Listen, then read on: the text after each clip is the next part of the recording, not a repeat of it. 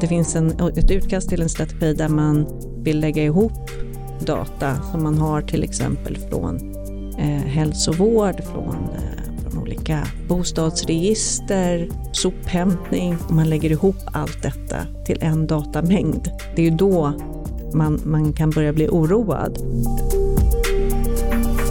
Men, men om man ställer den här lite mer kritiska frågan så att säga, finns det några bra argument för att eh, etisk etiska AI skulle vara en konkurrensfördel?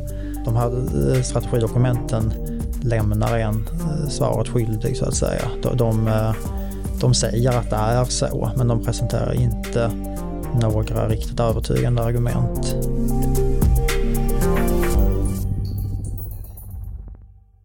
Utvecklingen inom cyber och AI är betydande för såväl militär som försvarsförmåga. Förmåga att nyttja autonoma system, manipulera film och bildmaterial och övervaka stora ytor är bara några exempel som kommer påverka vårt försvar och vår vardag.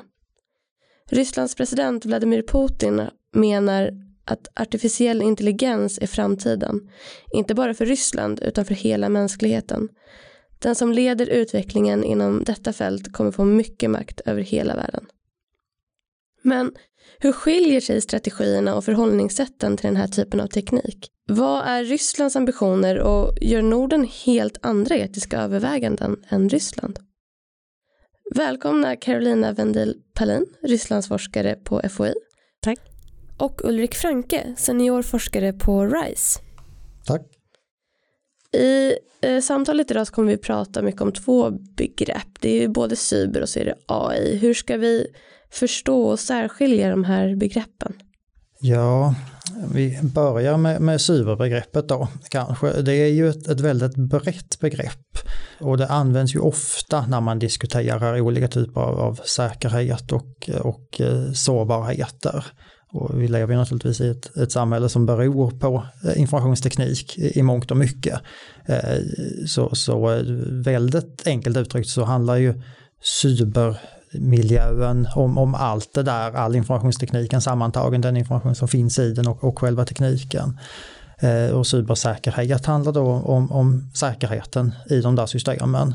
Eh, och här finns det ju många andra begrepp också. Man talar om informationssäkerhet, man talar om it-säkerhet, man talar på engelska om, om information assurance, man talar om cyber defense och så vidare. Och jag skulle väl säga att för ett sånt här samtal så kan vi nog säga att ja, men cybersäkerhet omfattar allt det där. Sen finns det distinktioner som man gör ibland i, i praktiken eller i akademin som, som kan liksom vara intressant att samtala om i något annat sammanhang. Men här tycker jag att vi, vi kan tala om, om cybersäkerhet på, på det sättet. Jag, jag, tror också att det finns en tendens att, att man använder cyber därför att det låter lite häftigare, det är lättare att få saker publicerade om man har cyber i titeln än om man skriver IT-nätverk eller no någonting liknande. Så det finns en sån aspekt på det också. Det, det har gått mode i det. Eh, även i så att säga, den tekniska forskningen så, så skriver man ofta cybersecurity nu och har gjort det kanske tio år eh, för att det är lite hett så att säga, absolut.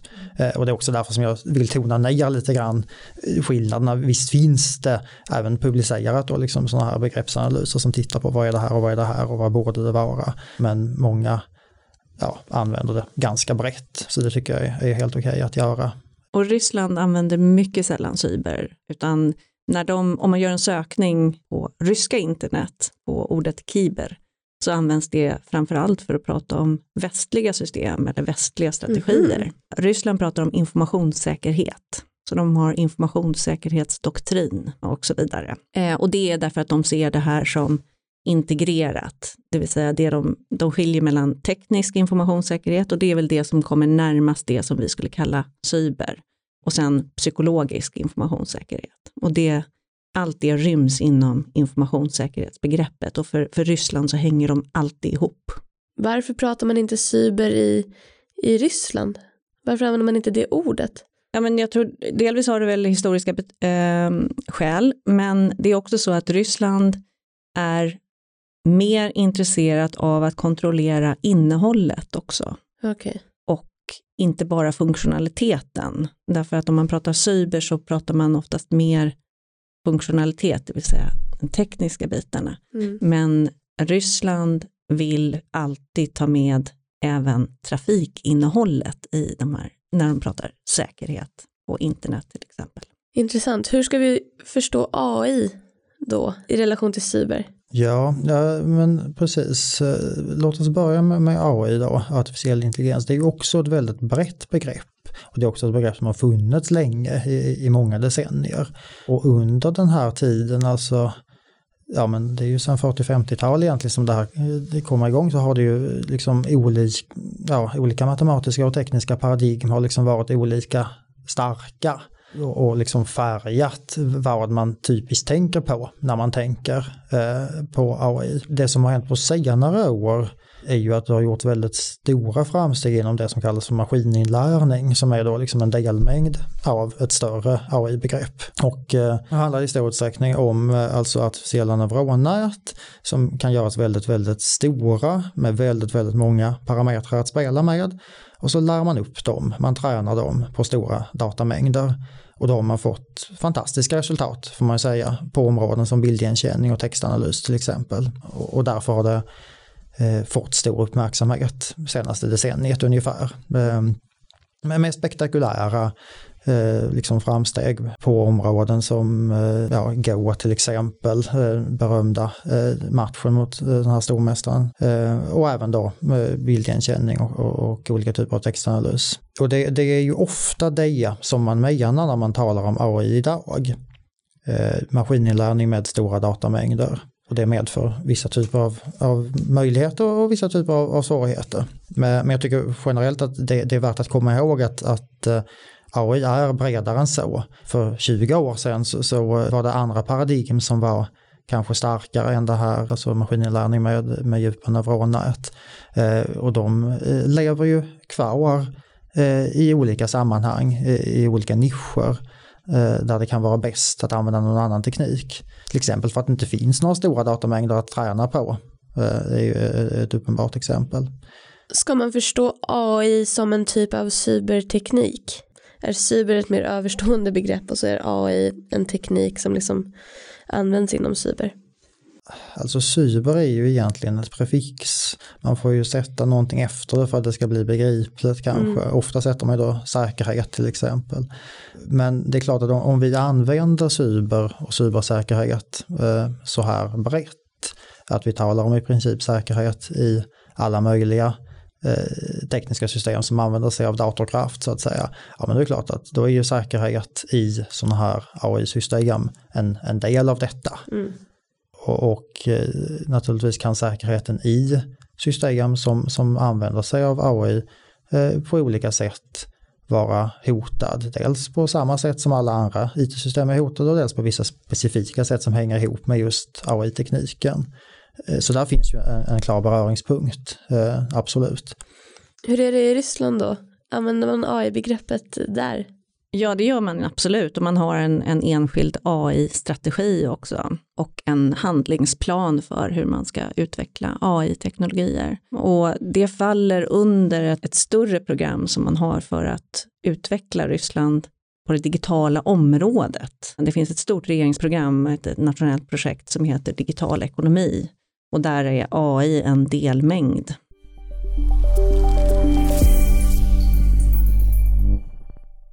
Carolina, du har ju studerat rysk cyber och AI-strategi som du precis nämnde. Hur skulle du beskriva Rysslands nuläge? Vart är Ryssland nu när det kommer till de här frågorna och vart är de på väg? Jo, men du inledde ju med ett eh, citat av Putin Ja. där han sa att den som ligger längst fram då vad gäller AI styr världen. Och då, det misstolkas ofta det här begreppet. Man tror att Putin tänkte att han ska styra AI och styra världen. Men jag skulle säga att snarare är det så att för Ryssland är det här ett existentiellt problem därför att de vet att de är efter på många områden. Det vill säga för Ryssland är det essentiellt att de kommer ikapp så att inte någon annan styr världen utan att Ryssland är med bland de ledande nationerna vad gäller AI-teknologier. Och mycket av det som man ser inom det här stora programmet då för att digitalisera Ryssland och också när man skriver sin AI-strategi handlar just om att man ska ta sju mila kliv för att hinna ifatt.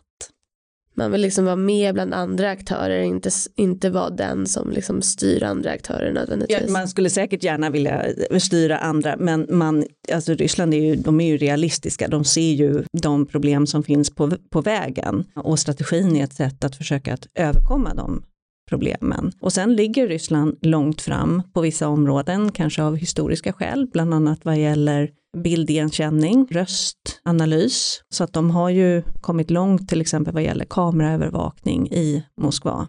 Och det är rysk programvara eh, i hög utsträckning som används. Så att de ligger långt fram på vissa områden. Men sen har de problem, till exempel är de beroende av import vad gäller olika komponenter och så vidare och det är man väldigt bekymrad över. Ulrik, du är ju medförfattare till artikeln Nordic Lights National AI Policies for Doing Well by Doing Good. Där undersöker ni kopplingen mellan etiska principer för AI och hur de påverkar de nordiska ländernas AI-strategier.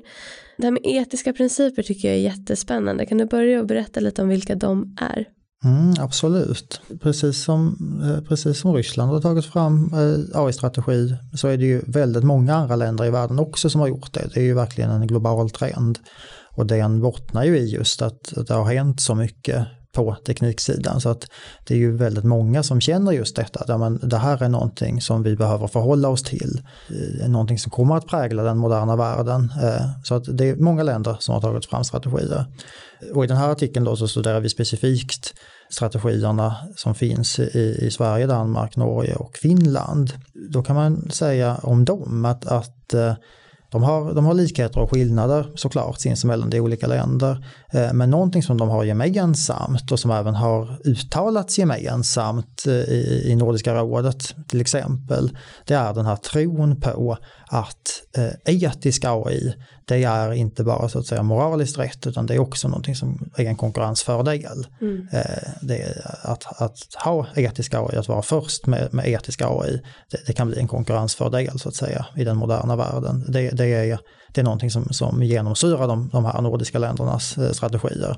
Och för den delen kan man ju tillägga någonting som också återspeglas i, EUs strategier och, en del nationella strategier från andra EU-länder. Men vad, jag och min eh, medförfattare Jakob Dexe gjorde då i den här artikeln, det var att vi, vi tittade på de här nordiska eh, policydokumenten från de här fyra länderna och vi analyserade dem utefter ett eh, ramverk med, med fem eh, etiska principer som, är, eh, som har föreslagits. Då, så, som, eh, det finns ju ett stort intresse för de här frågorna naturligtvis. Därför finns det också många eh, taxonomier eh, kring hur man ska förstå det. Eh, och, och det här är då en av dem, eh, ett av de förslag som finns där man har försökt jämka samman ett stort antal sådana här olika eh, förslag på eh, etiska principer för AI och kokat ner dem till, till fem eh, principer. Och de här principerna, då är det Eh, ta och gå igenom de här eh, en i taget. Alltså den första handlar om att, att göra gott, att, att använda AI till sånt som är positivt.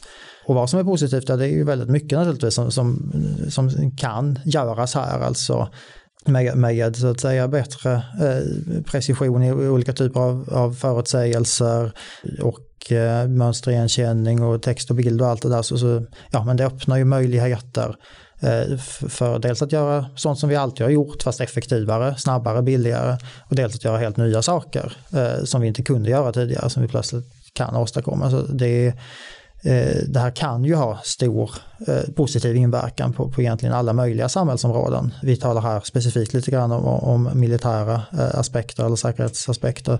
De är ganska frånvarande i de nordiska strategierna. Men, men, men, det finns ju liksom potential på alla möjliga områden. Den andra då låter sig formuleras nästan som negation till detta, eh, alltså att undvika då att göra eh, skada. Just det. Eh, det vill säga när man ser all den här potentialen, att då fundera på vad kan gå fel då? Eh, och försöka undvika att gå i fel riktning. Försöka undvika kanske i första hand oförutsedda konsekvenser naturligtvis som visar sig i efterhand att det här inte var så klokt. Men även naturligtvis att undvika eh, kanske i första hand att andra aktörer använder det liksom på, på rent illasinnade mm. sätt och vis. Eh, den tredje principen, det handlar om, om autonomi eh, och mänsklig autonomi då, alltså att, att respektera mänskligt eh, självbestämmande, men respektera oss eh, som liksom eh, ja, som etiska subjekt i någon mening, att inte underminera detta till exempel genom att maskiner fattar en massa beslut åt oss som vi kanske skulle vilja fatta själva. Just det. Och, och det är ju naturligtvis någonting som aktualiseras i den här typen av frågeställningar. Eh, den fjärde principen är rättvisa. Eh, vilket naturligtvis är ett, ett eh, omfattande begrepp liksom de, de tidigare tre. Det kan till exempel handla om fördelningsaspekter på AI. Är det så att vinnarna tar allt eh, och, och, och eh, ett stort flertal inte får del av de goda effekterna på samma sätt. Just det. Eh, men det kan också handla om andra rättvisa aspekter, alltså rättvisa som i fri och rättvis konkurrens till exempel, att vissa inte subventioneras på andras bekostnad eller att, att man inte ska tvingas betala för andras AI-användning till exempel, att tvingas till det. Så det är ja, ett mångfacetterat begrepp, men, men rättvisefrågor aktualiseras. Och de här fyra principerna de är, är, eh, de är lånade egentligen från eh, bioetik så de är ganska etablerade eh, i, om än i ett annat sammanhang. Och naturligtvis så är de ju också väl förankrade i en, en, en ja, en, en bredare filosofisk diskussion som är med liksom, eh, mångtusenåriga rötter egentligen. Den femte principen som är då lite mer specifik för Eh, just AI-frågorna. Det handlar om eh, förklarbarhet, alltså i vilken mån som de här tekniska systemen är begripliga, om vi förstår varför de fattar vissa beslut eh, eller inte fattar vissa beslut. För det är ju nämligen en av de frågeställningar som har väckts i och med de här framstegen som har gjorts med maskininlärning. Att ja, det går utmärkt att träna den här algoritmen med en miljon kattbilder och den känner igen katter fantastiskt efteråt. Men det är ju jättesvårt att läsa och förstå. Det är omöjligt att, att förstå hur det här går till i detalj. Eh, visserligen förstår vi hur, hur själva inlärningen går till, för det är vi som har designat den. Men, men resultatet av inlärningen, det som är inkodat i det här djupa neuronnätet med alla vikter och parametrar, ja, det är i princip en svart låda då som är obegriplig. Och därför kan den också göra misstag ibland eh, av ett så att säga obehagligt slag. Framförallt då om det var skevheter i den här träningsdatan eh, så kan de slå igenom eh, eh på oväntade sätt. Eh, så därför finns det en väldigt omfattande diskussion kring just eh, AI som svarta lådor och risken att frånhända oss beslut och liksom eh, till svarta lådor som vi inte begriper riktigt hur de funkar på insidan. Så, så förklarbarhetsfrågorna är mycket på tapeten och, och anses allmänt vara väldigt viktiga. Så de här fem principerna använder vi oss av när vi tittade på de nordiska ländernas strategidokument. Just det, ser man, är etikfrågorna närvarande i ryska AI-strategier också? Ja, men de tar definitivt upp sådana frågor och eh, precis som Ulrik sa, att man, man pratar om hur, eh, hur AI kan användas för att eh, vi ska slippa monotona jobb i framtiden, men också farliga arbeten till exempel. De pratar, Ryssland pratar också om hur, eh, hur det kan förbättra hälsovård, utbildning, naturligtvis. Det som eh, kanske skiljer, det har ju snarare att göra med, skulle jag säga, det politiska systemet som omgärdar det hela. Så att när Ryssland då har kameraövervakning, så eh, i, i framförallt Moskva, då skiljer man sig ju egentligen inte från andra storstäder. London har till exempel flera kameror än Ryssland har. Den stora skillnaden är ju att det inte finns någon oberoende granskning av hur myndigheterna använder de här datan. Eh, och det som var intressant, det finns en, en term i, eh, i Ulriks artikel legal sandlåda och det använder man även i Ryssland. Så att i Moskva så har man infört då en särskild legal regim som man kallar det, just därför att man ska kunna utveckla AI-teknologier mer och eh, eh, få fram olika produkter och så vidare. Eh, och då är det Rysslands största bank, Sberbank, eh, det är teknologiföretag som Yandex eh, som gör detta, men de gör det i samarbete med Moskva stad. Man pratar om att man använder anonymiserade data, men vi vet ju att eh, så fort det rör sig om geodata så behöver du ganska få mätpunkter för att faktiskt kunna identifiera den som har den mobiltelefonen på sig när man går runt i staden. Biodata, vilket eh, ansiktsigenkänning eh, ingår i, de är ju per definition inte anonyma data. Och om man tänker då att Moskva stad dessutom, det finns en, ett utkast till en strategi där man vill lägga ihop data som man har till exempel från hälsovård, från eh, från olika bostadsregister, sophämtning, och man lägger ihop allt detta till en datamängd. Det är ju då man, man kan börja bli oroad, just när det inte finns någon oberoende granskning av hur myndigheterna använder medborgares data.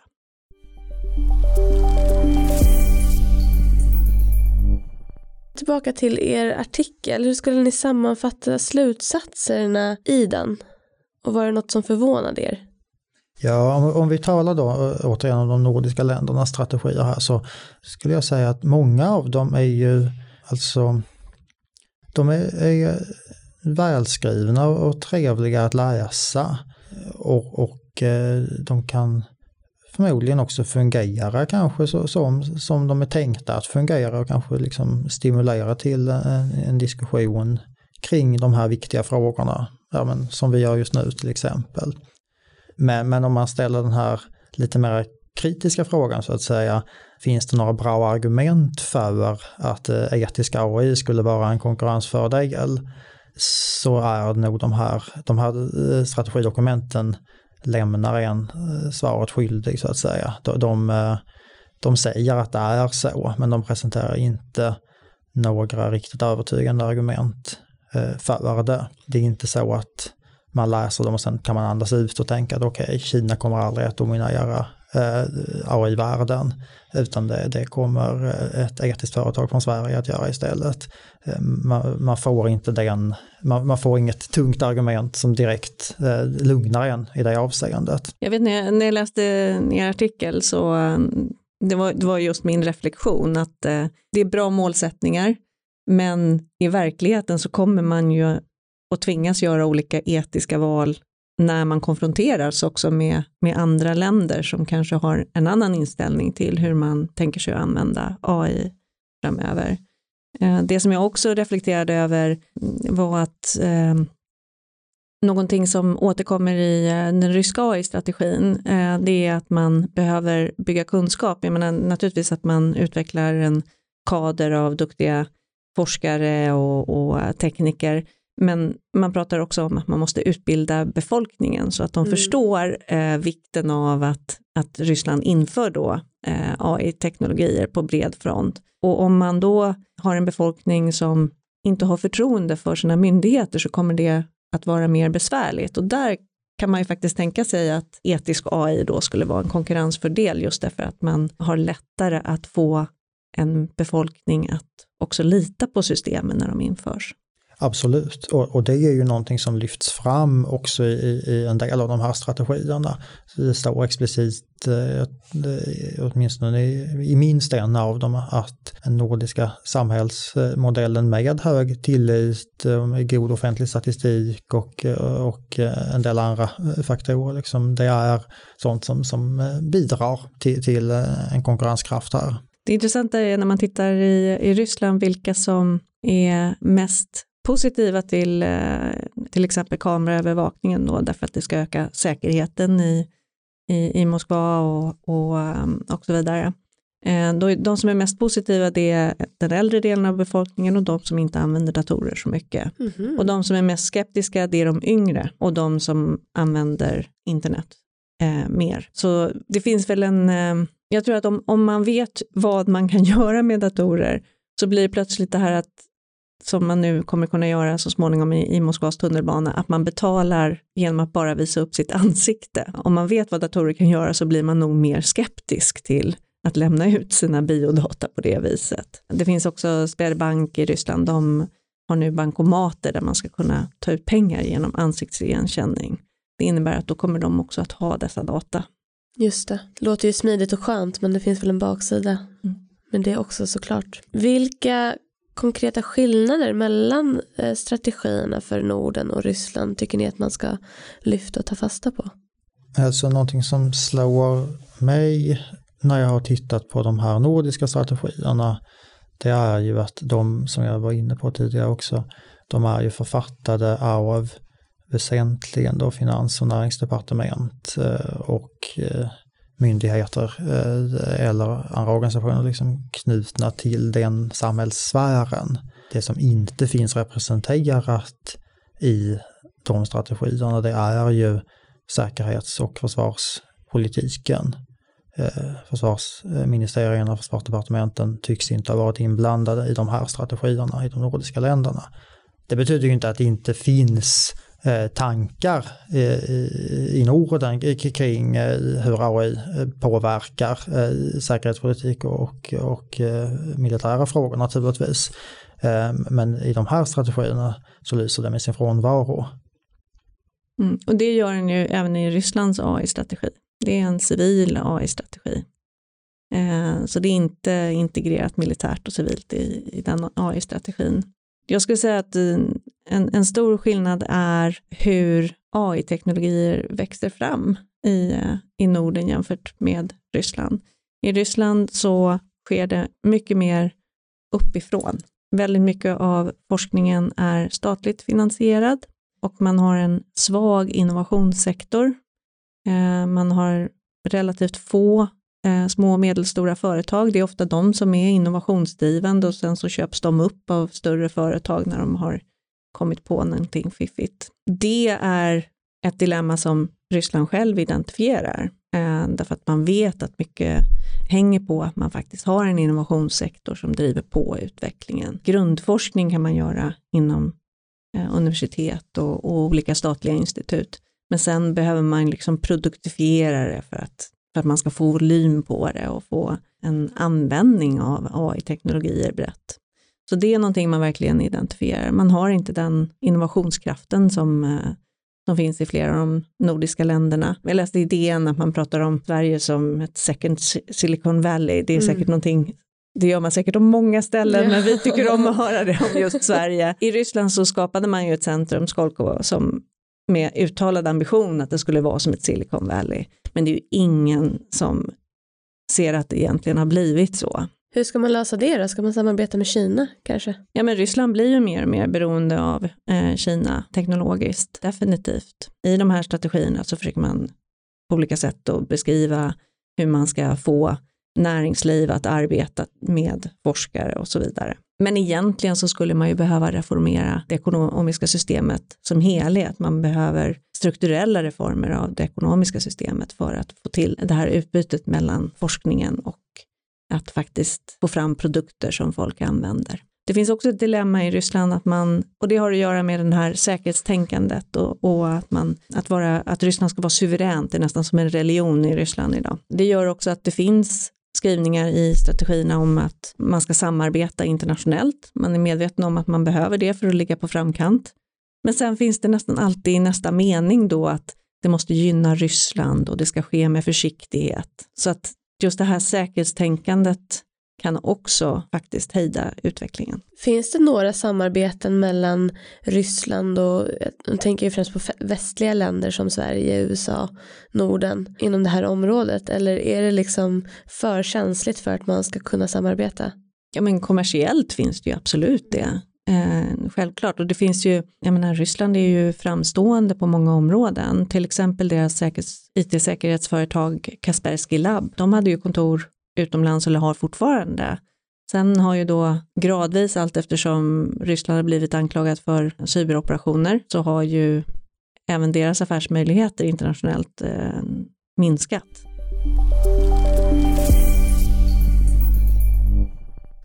Hur tror ni AI kommer påverka eh, de militära förmågorna då i, i Norden och i Ryssland? Det är ju en väldigt bra fråga. Alltså vad kommer AI att göra på eh, samhällsområde X kan man ställa sig eh, och fundera på för väldigt många olika områden. Och det har ju varit en, en, en livaktig debatt om det, åtminstone då det senaste decenniet, liksom när det har tagit fart med framsteg inom maskininlärning. Det har ju bland annat eh, kommit det här uppmärksammade pappret av eh, Osborne och Frey eh, kring effekter på arbetsmarknaden, alltså potential att automatisera i storleksordningen hälften av eh, alla befintliga arbetsuppgifter då, liksom, som har fått stort genomslag. Eh, så, så den frågeställningen att, att Eh, byta ut mänsklig kompetens och mänsklig arbetskraft mot maskiner är ju en sån eh, ja, stor och viktig fråga eh, där det väl så att säga å ena sidan råder konsensus om att ja, det finns väldigt mycket som maskiner kan göra och potentialen är väldigt stor. Men å andra sidan är lite oklart i vilket tidstempo detta sker och var det sker först så att säga och vad som händer istället. Och för att återkomma till frågan då på den militära sidan så ja, där kan man ju säga samma potential. Ja, men det är klart att det går att ersätta mänskligt beslutsfattande med maskinellt till en viss grad. Och kanske i större grad än vad vi kan förmå föreställa oss just nu. Eh, det är klart att det är lätt att, att, eh, ja, att vara fördomsfull så att säga och tänka sig att, att eh, det här kommer maskiner aldrig klara av. De kanske visst kan göra det. Den intressanta frågeställningen tycker jag som jag också eh, eh, argumenterade för för några år sedan i en, en liten artikel i, i Kungliga krigsvetenskapsakademins eh, handlingar och tidskrift. Det är väl just att hitta samarbetsformerna. Alltså ja, maskinerna kommer, maskinerna kan göra mycket som de inte kunde göra förr. Men det kanske inte handlar om att de ersätter oss mänskliga beslutsfattare i militära sammanhang till exempel. Det kanske handlar om att hitta rätt samspel. Vad ska människor göra? Vad ska maskiner göra? Mm. Eh, att hitta balansen och samspelet eh, och rätt arbetsfördelning tror jag personligen är nyckeln till framgång i, eh, ja, i det militära sammanhanget och i en del andra sammanhang också. Ja, men det är ju omöjligt att säga exakt hur utvecklingen kommer att vara de närmaste åren. Men det man kan konstatera är ju att Ryssland, liksom andra länder, är medvetna om att man måste vara med på tåget. Alla är nog eh, nervösa för vad motståndaren kan ha för förmåga på området och vad det kan leda till för slagfältet. Men jag tror att alla famlar ganska mycket vad gäller hur det kommer se ut om fem, tio år i praktiken. Mm. Ja visst, Nej, men, och det är svårt att veta då. Alltså, leder det till eh, så att säga inkrementella förbättringar? Ja men det gör det ju såklart. Eh, det, man kan se lite längre, eh, förstå lite snabbare, modellera någonting som gör att man kan ta fram lite starkare, eh, ja, vad som helst, genomslag i pansarplåt eller sådär. Liksom. Ja men visst, det finns säkert många inkrementella små eh, förändringar som, som kommer. Eh, de kanske inte är så väsensskilda från inkrementella förändringar som sker av andra skäl, framsteg inom materialteknik eller eh, annat. Den, den springande punkten som ju också är den svåranalyserade punkten, det är väl om det finns icke-inkrementella förändringar, att det plötsligt sker stora hopp mm. där, oj då, eh, dagens teknik är helt värdelös när den ställs mot det här nya framsteget. Och om AI skulle kunna medföra sådana. Ja, och det är ju tänkbart naturligtvis att det plötsligt sker liksom ett framsteg inom bildanalys som gör att ja, men, du kan slänga alla gårdagens övervakningssatelliter. Liksom det, det, det är meningslöst. Eh, eller ja, du kan pensionera alla flygförare. Nu flyger flygplanen autonomt själva mycket bättre. Det är ju tänkbart att det skulle mm. kunna vara så på ett stort antal områden. Men det är ju det som ingen riktigt vet och det är väl där som, det är väl där som den stora osäkerheten ligger. Alltså vad finns det för språngvisa framsteg som skulle kunna komma och det är inte svårt att hitta på sådana som, som faktiskt skulle kunna komma. Men, men, om de kommer, det är en helt annan fråga och när de kommer och vem som i så fall är först. Det är väl det som skapar så att säga hela, hela osäkerheten som gör att man å ena sidan ser en stor potential men å andra sidan har jättesvårt att bedöma vad som faktiskt kommer att ske. Och vi fokuserar ju nu på AI, men det sker ju utveckling även av andra teknologier. Och just det här om, ofta sker ju de här hoppen i en utveckling när man kombinerar eh, teknologiframsteg. Så att att säga exakt hur det kommer se ut tror jag är väldigt svårt. Mm. En skrämmande tanke som slår mig är att de hoppen enklare kommer om man inte behöver ta hänsyn till etiken. Att det finns färre hinder. Är det, fel, alltså är det en feltanke eller ligger det något i det? Ja, det är ju en bra fråga som det kanske är svårt att ge ett, ett riktigt bra svar på. Jag tänker på, för att ta ett, ett, exempel från ett annat område, så tänker jag på exemplet med eh, genmanipulation av, av mänskliga eh, foster i Kina eh, för ett par år sedan i akt och mening då att skapa immunitet eh, mot eh, hiv-viruset. Och eh, där det framstår, åtminstone för mig som lekman, som att den här forskaren så att säga ja, gjorde det ja, och trodde att han gjorde något gott och, förmodligen också trodde att han skulle hyllas för det. Mm. Men han hamnade i fängelse, även i det kinesiska systemet som då kanske är paradexemplet på, på, på ett sammanhang eh, där etiken sällan står i första rummet. Eh, och jag tycker det stämmer lite till eftertanke att han blev straffad snarare än hyllad. Det är inte, det är inte självklart hur, ja, det kan vara svårt att förutsäga hur eh, andra politiska system, inklusive sådana som är repressiva, egentligen tänker i de där frågorna. Mm. Jag menar, vi har ju haft liknande dilemman tidigare. Mycket av det eh, försöker vi lösa genom olika internationella avtal och konventioner. Det är väl även på det här området möjligt att ha sådana samtal. Jag, jag tror att det är den absolut bästa vägen framåt. Eh. Precis, för det är svårt att tänka sig att man tänkte på etiken när man skapade kärnvapen. Nej, och samtidigt när, när en teknologi väl existerar så kan man ju inte stoppa tillbaks den så att säga. Mm. Det, utan man måste lära sig att leva med den. Och ett dilemma är, det är det ju både på nationell nivå men, men naturligtvis då även på internationell nivå, det är ju att teknologiutvecklingen går så pass snabbt så att många av de ramverk som vi, som vi har, de åldras snabbare jämfört med teknologiutvecklingen idag. Och sen till exempel olika rustningsavtal som vi har, det behöver ju vara någonting man kan mäta och det här är väldigt besvärligt med AI eh, och överhuvudtaget med, även med cyber. Hur mäter man en, en cyberförmåga? Jag menar den inspektion som du skulle behöva göra, den, den blir så invasiv så att det är inget, inget land som skulle gå med på det. Nej. Du måste ner och titta i, i datorer så att säga och det är naturligtvis vill du inte dela med dig av, av detta. Det är ett dilemma skulle jag säga framöver vad gäller just eh, olika avtal och eh, konventioner på detta område. Ja, rustningskontroll i termer av att räkna stridsvagnar och fartyg och flygplan är ju enklare. Mm. Rustningskontroll av den här typen av frontlinjeforskning är ju väsentligt svårare och kanske i praktiken helt omöjlig. Och det illustrerar väl kanske en svårighet då att även om avtal är önskvärda så kanske de är svåra att få till. Och det kan ju gälla även på, på nationell nivå att, att det finns en övertro på möjligheten att styra utvecklingen. Det kanske inte är strategidokumenten som skrivs på näringsdepartementen som bestämmer vad som faktiskt sker för utveckling, vare sig eh, i akademin eller i industrin. Eh, det kanske är lite av en illusion att, eh, att tro att man kan styra det i detalj, eller åtminstone Eh, så kan det finnas en övertro på vissa styrmedel.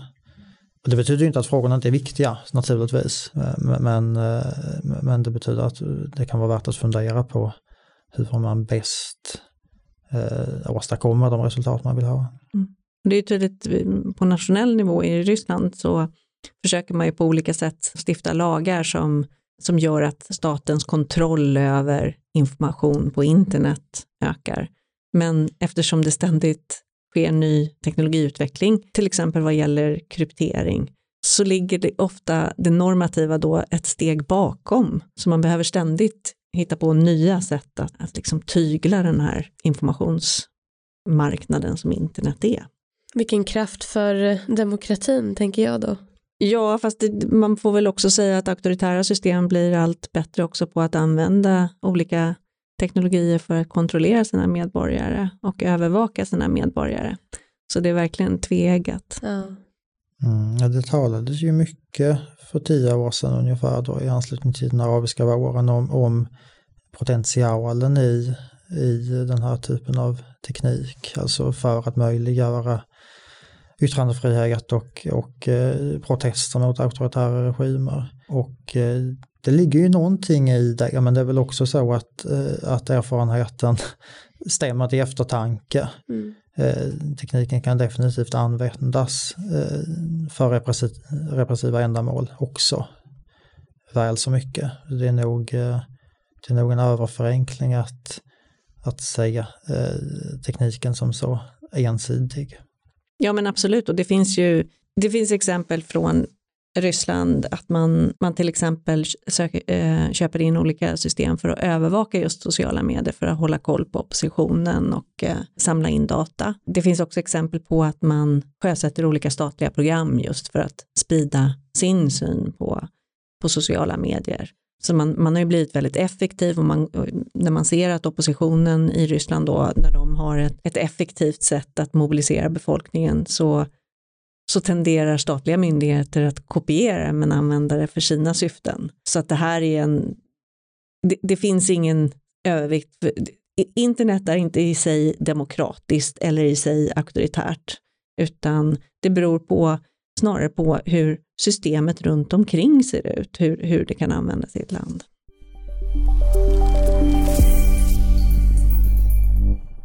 Ni eh, läser, eller ni kan ryska båda två.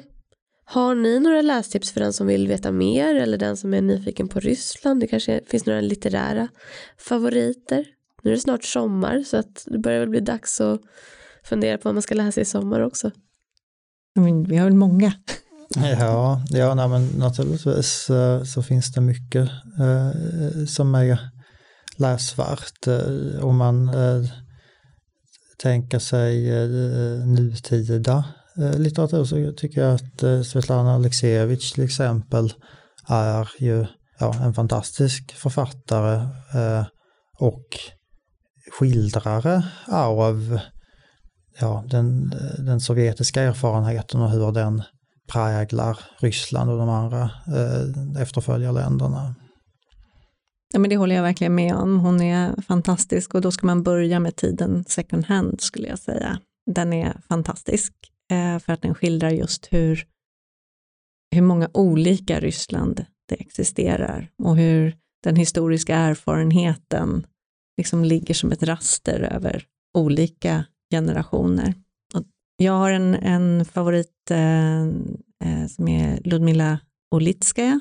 Eh, hennes böcker är fantastiska. Det, det finns alltifrån lite kortare böcker till eh, eh riktiga sådana här ehm, ryska romantegelstenar. Ja.